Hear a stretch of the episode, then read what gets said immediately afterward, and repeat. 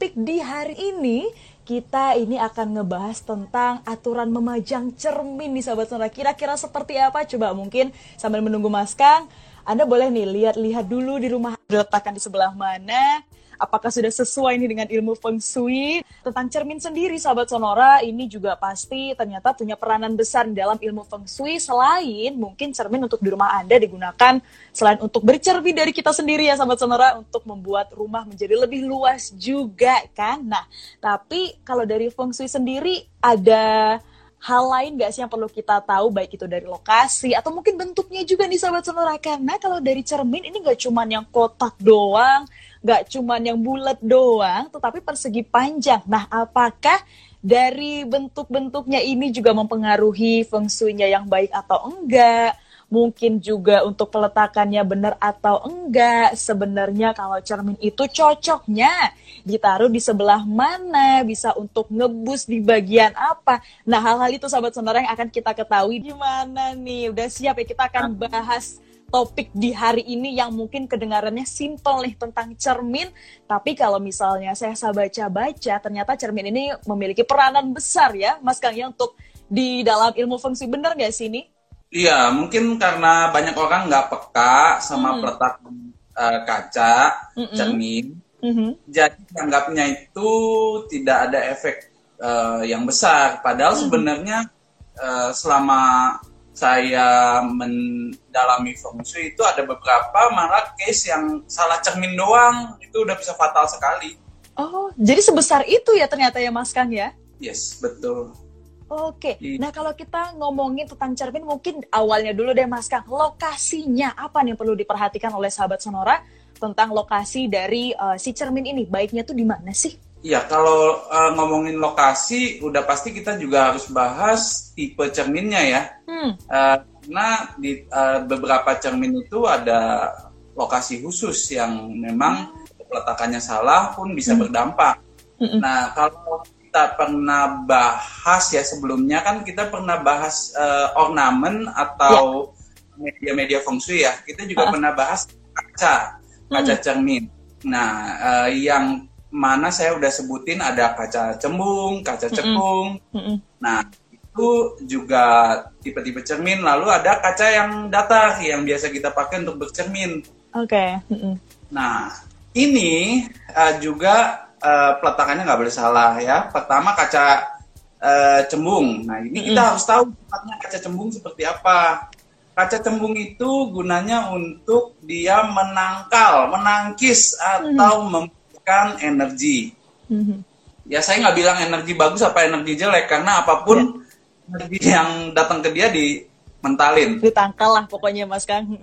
Kalau sampai salah, pada energi mau masuk nih, ya ternyata kita pakai uh, cermin cembung ya cembung. akhirnya mental tahu hmm. ini kesalahan ya, hmm. ya banyak orang uh, mungkin merasa mengerti cara pemakaiannya malah dia langsung taruh malah di atas uh, pintu utama ya hmm. nah itu malah merugikan sekali karena harusnya bukan cermin itu yang dipakai hmm. gitu hmm. ya jadi uh, cermin cembung itu untuk menangkis ya atau hmm. membuyarkan energi Lalu ada cermin yang uh, cekung. Kebalikannya, dia malah menyerap energi. Ah. Biasanya dipakai.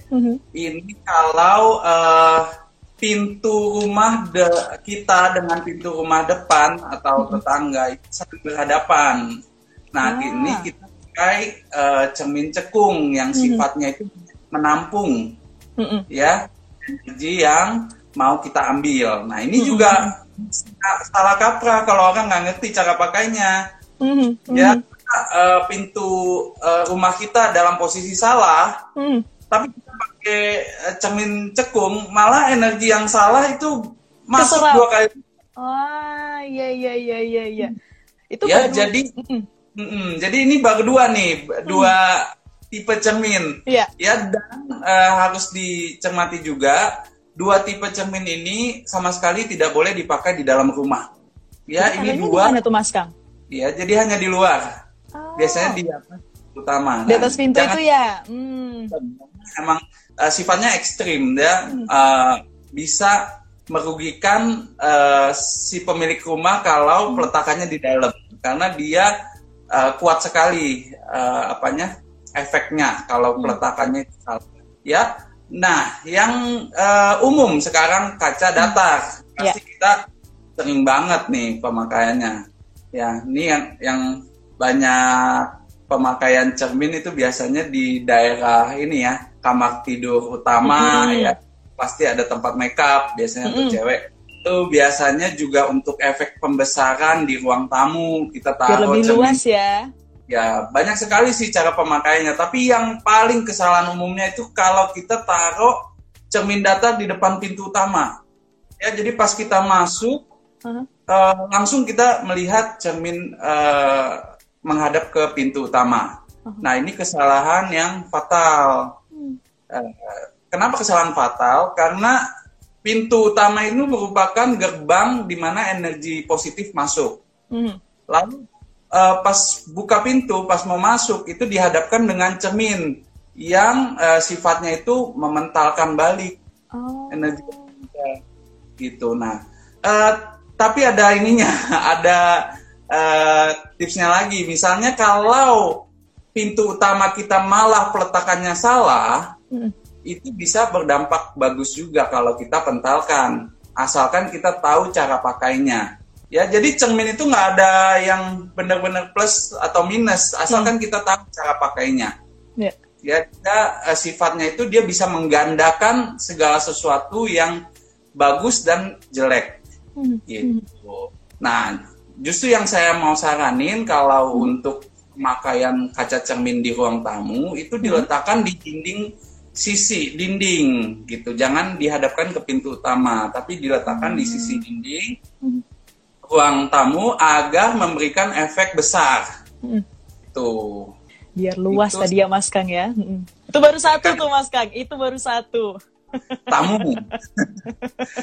Kita mau bahas ke mana lagi nih, Mbak Sesa? Nah, jadi karena ya mungkin itu benar tadi kayak katanya Mas Kang, kalau untuk di ruang tamu sendiri, fungsi dari cermin ini mungkin secara general ya ini adalah untuk supaya kelihatan lebih luas nih. Nah, itu kan beberapa lokasi lah ya. Tadi Mas Kang juga sudah memberikan uh, saran kalau misalnya memang mau ditaruh di ruang tamu, silakan uh, tempatkan si cermin ini tadi di sisi ya tadi ya Mas Kang ya. Iya. Mm -hmm. Ya, jadi Dan, jangan hmm? di depannya pintu utama, tapi hmm. di sisi tembok uh, ruang hmm. tamu. Nah, tadi Mas Kang juga sudah sempat sharing nih uh, cermin cekung dan juga cermin cembung. Ternyata tuh beda juga kan ya Mas Kang ya. Nah, kan kalau cermin ini suka beraneka ragam nih bentuknya ya Mas Kang. Ada yang oval, ada yang persegi, ada yang persegi panjang. Apakah nah. itu ada artinya sendiri-sendiri atau gimana sih Mas Kang? sebenarnya kalau ngomongin bentuk itu udah off topic ya karena hmm. kalau memang sifatnya yang tadi saya sebutin dia memantulkan, dia menyerap, ya hmm. dia bisa menggandakan dan merefleksikan. Hmm. Nah, tapi kalau kita ngomongin bentuk itu berarti sudah meng, uh, membicarakan elemen gitu. Jadi hmm. bentuknya bundar, segitiga, hmm. oval, panjang. Nah, itu tiap-tiap bentuk memang ada sisipan elemennya. Contohnya misalnya oh cermin yang bundar itu melambangkan uh, cermin logam. Nah, itu juga dipakai khusus untuk daerah tertentu. Nah, juga misalnya bentuknya pers, uh, segitiga. Nah, ini adalah elemen api. Jadi, kita juga harus tahu kalau cermin itu bawahnya adalah elemen air. Hmm. Nah, kalau tidak memahami uh, komposisi elemen, nah ini yang bakal kacau.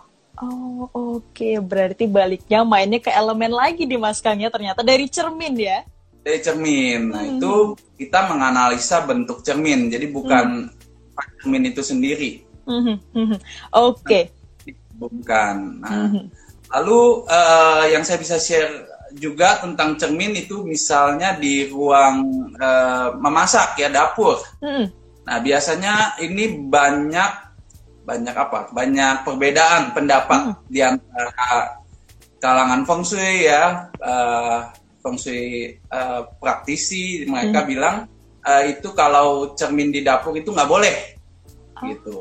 Ya, jadi sebenarnya itu adalah uh, kesalahan juga karena sebenarnya kalau kita mengerti cara menggunakan cerminnya ya. maka sebenarnya boleh-boleh aja. Malah hmm. kita memberikan efek pembesaran pada daerah dapur. Hmm. Nah, kalau kita memberikan efek uh, pembesaran di daerah dapur, maka itu malah memberikan timbal balik yang sangat besar karena dapur merupakan daerah di mana kita memasak ya, memberikan yeah. itu dinilai dari posisi dapur dan hmm. seberapa besar dapur itu. Hmm ya juga memberikan efek bersih ya elegan mm -hmm. elegan dan luas. Nah ini yang kita mau dapatkan kalau kita meletakkan cermin di daerah dapur. Mm Ini baru ngebahas topik tentang cermin ya Mas Kang. Sudah, aduh banyak sekali ini sudah harus dipikirkan. Kalau misal dari pintu utamanya juga harus seperti apa, mengakalinya seperti apa. Jadi memang nggak bisa sembarangan ya Mas Kang ya. Iya, yang penting ada pengetahuan umumnya sih ya. Jadi jangan sampai di pengetahuan umumnya. Seperti yang tadi kalau cermin ya di daerah yang tidak tidak fatal seperti depan pintu utama. Mm-hmm. Lalu misalnya cermin juga jangan saling berhadapan. Mm. Oh, jangan berhadapan malah ya, Mas Kang ya. Karena mungkin uh, mau memberikan efek luas. Yeah. banget gitu kan kalau kaca semua. jadi ya itu negatif karena kaca hmm. dengan kaca sama, dia saling yeah. menarik energi hmm. dan saling menghancurkan energi juga. Ah. Oke, itu tadi beberapa tips dari Mas Kang juga udah sharing banyak untuk awalan aja dia, sahabat Sonora. Nah ini langsung aja kali kita Mas Kang ya menjawab beberapa pertanyaan dari sahabat Sonora yang sudah ngirim di kolom komentar.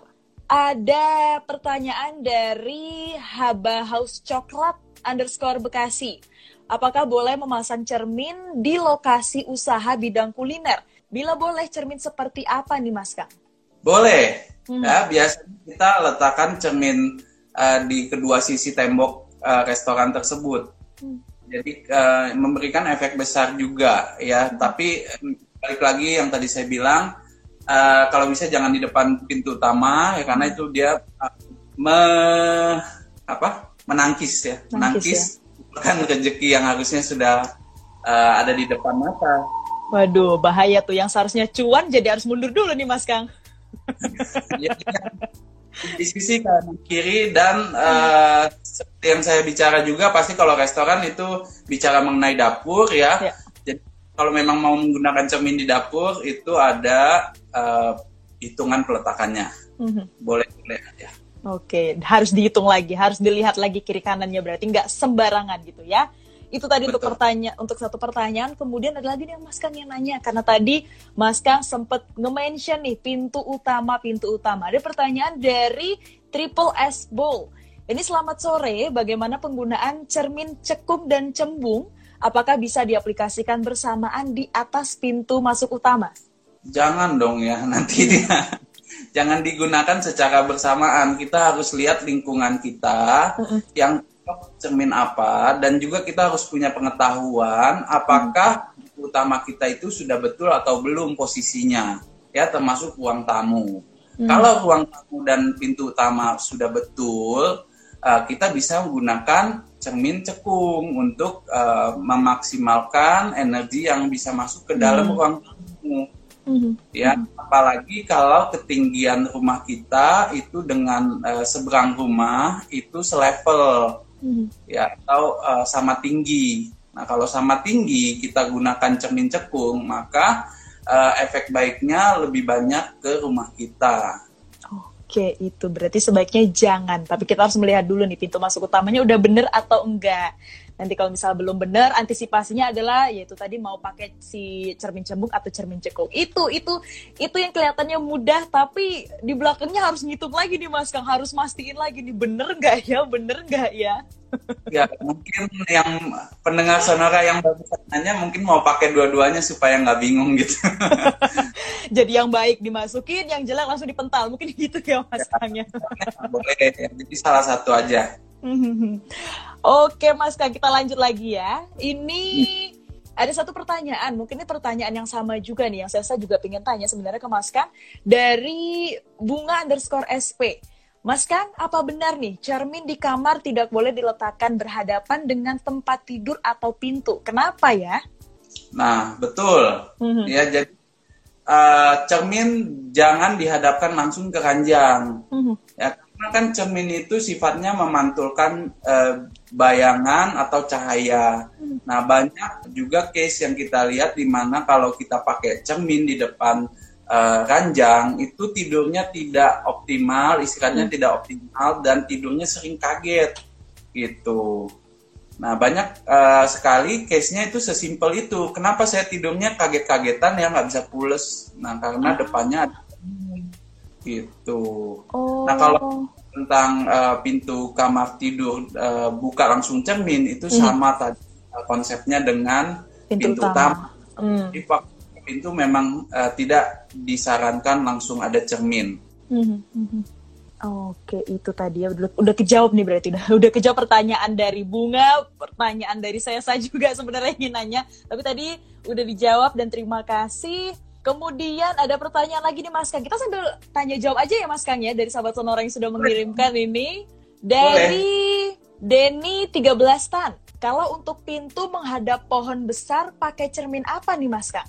Nah, pintu menghadap pohon besar itu hmm. uh, kita bicara case by case ya karena kalau kita ngomongin di depan pintu ada pohon besar ataupun ada tiang listrik hmm. itu balik lagi berapa jaraknya kalau jaraknya di atas 5 meter atau sampai 10 meter malah itu uh, tidak harus dilakukan penyesuaian karena itu jaraknya udah mencukupi.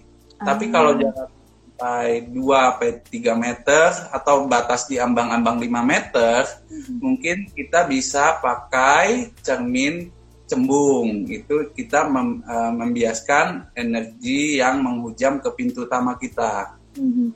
Hmm. Ya, oh. jadi lihat lagi, diukur lagi jaraknya seberapa hmm. jauh.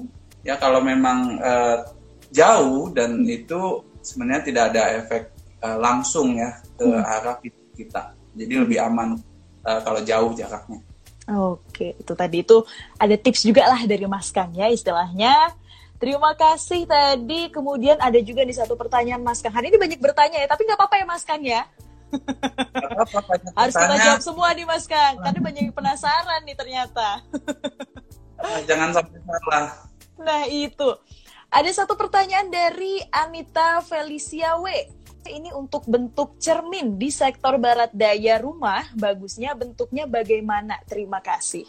Ya, kalau barat daya lebih hmm. baik pakai cermin yang bentuknya segitiga atau punya sisinya atau punya uh, sudut lancip di uh, tiap sudut cerminnya.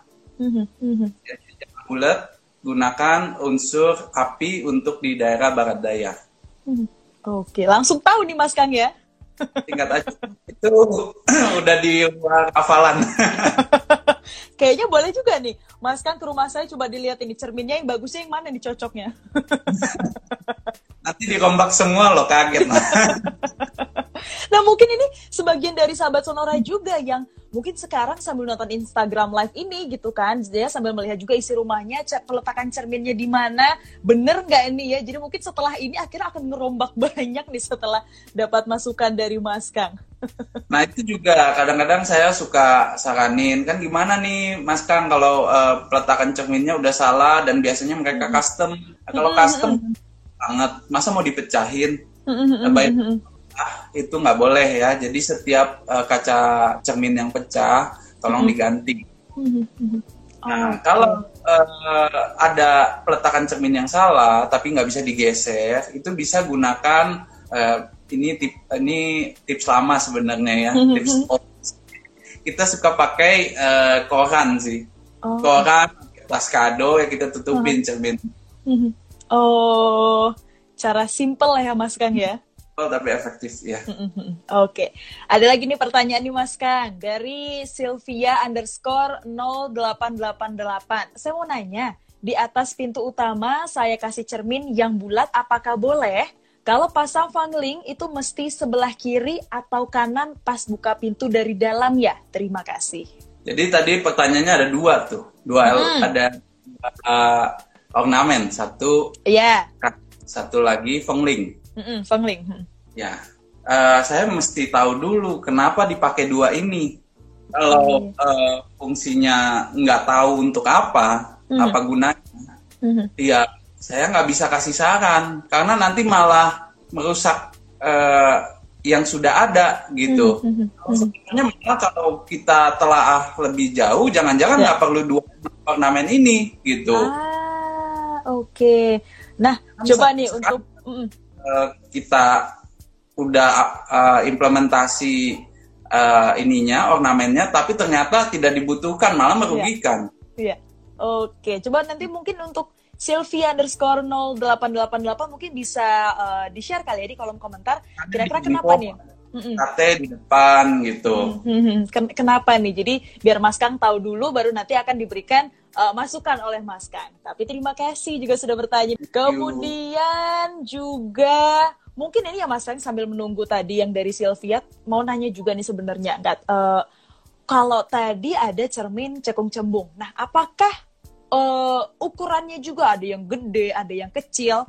Apakah itu juga uh, berpengaruh seberapa pengaruhnya besar sih untuk penempatan mungkin misalnya kalau tadi kata Mas Kang untuk cermin itu nggak boleh dipasang di depan pintu utama tapi mungkin ternyata oh kalau cerminnya kecil nggak masalah sebenarnya nah itu gimana tuh Mas Kang? Oke okay. uh, eh, ya kalau soal berapa besar cermin itu itu sesuai balik lagi sesuai kebutuhannya. Hmm. Nah kalau uh, kita bicara satu case deh di mana ruang tamu dan kamar tidur utama itu perbandingannya terlalu jauh. Kadang ada orang yang bikin rumah karena dia pengen uh, senengin istrinya, dia besarkan kamar tidur utamanya sampai punya walking closet, punya hmm. toiletnya. Saking besarnya itu kamar, dia paling besar dibandingkan uh, area zona-zona rumah lainnya. Ya, apalagi daerah uh, ruang tamu. Mm-hmm. Ya, kalau ruang tamu lebih kecil daripada ruang tidur utama, itu disimbolkan dalam fungsi bahwa pemasukan akan lebih besar, uh, pemasukan akan lebih kecil daripada pengeluaran. Ya, oh. jadi itu kita bisa gunakan cermin sebagai uh, apa ya balancingnya supaya hmm. kita memberikan efek besar uh, di ruang tamu sehingga uh, ruang tamunya kelihatan lebih besar dan tidak kalah dibandingkan uh, kamar tidur utamanya. Uh, okay. Nah, kalau kita mau melakukan seperti itu, kacanya ya juga harus besar. Nyimbangin ya Mas Kang ya. Iya. Oke, ini kita balik lagi nih ke Mas Kang ke Sylvia. Jadi ini pertanyaan terakhir ya sebelum kita closing. Jadi dari Sylvia katanya kemarin ini disuruh pasang fangling karena di depan rumah ada penampung air tetangga. Sedangkan untuk kaca ini udah lama dipasang, Mas Kak. Eh, ada apa? Sorry. Uh, ada penampung air tetangga. Penampung air tetangga. Mm -mm. Penampung air tetangga maksud uh, tetangga maksudnya toren air kali ya yang ya, ada di atas. Ya. Nah, nah itu balik lagi mungkin ada kesalahan di sini ya. Hmm. Kalau tetangga berapa meter jaraknya tetangganya hmm. ya. Juga kalau udah menggunakan cermin itu sebenarnya udah cukup. Nggak okay. perlu dipasang lagi. Pasang lagi. Ah, oke. Okay. Ya. Pakai cermin cembung aja udah udah cukup, jangan cermin hmm. datar. Hmm. Hmm. Oke, okay. itu tadi dari Mas Kang udah di hmm uh, sharing untuk Sylvia dan terima kasih nih untuk Anda sahabat Sonora yang juga sudah bergabung, sudah mengirimkan pertanyaan, sudah dijawab langsung sama Mas Kang. Semoga nih informasi yang Mas Kang tadi sampaikan juga udah dicatat, langsung dirombak semua nih yang ada cermin di dalam rumah cocoknya di mana tadi kalau sesuai kata Mas Kang. Saya padahal udah siapin laptop loh. Saya pikir ini bakal ada pertanyaan pribadi lagi. Wah, gak mau Mas Kang, tapi mungkin untuk ke depannya nih, kalau misalnya ada sahabat Sonora uh, ada pertanyaan pribadi, ada pertanyaan personal, mungkin sekalian bisa ditanyain aja. Oh, boleh. tapi, juga. nah, tapi memang pertamanya kita akan bahas topik dulu nih, Mas Kang ya. Pasti dong. Pasti. supaya bisa membantu pendengar sonora juga sama hal-hal yang uh, daily ya, daily feng shui. Oke, itu tadi Mas Kang nggak terasa udah setengah jam nih ternyata ngobrol-ngobrol tentang cermin doang.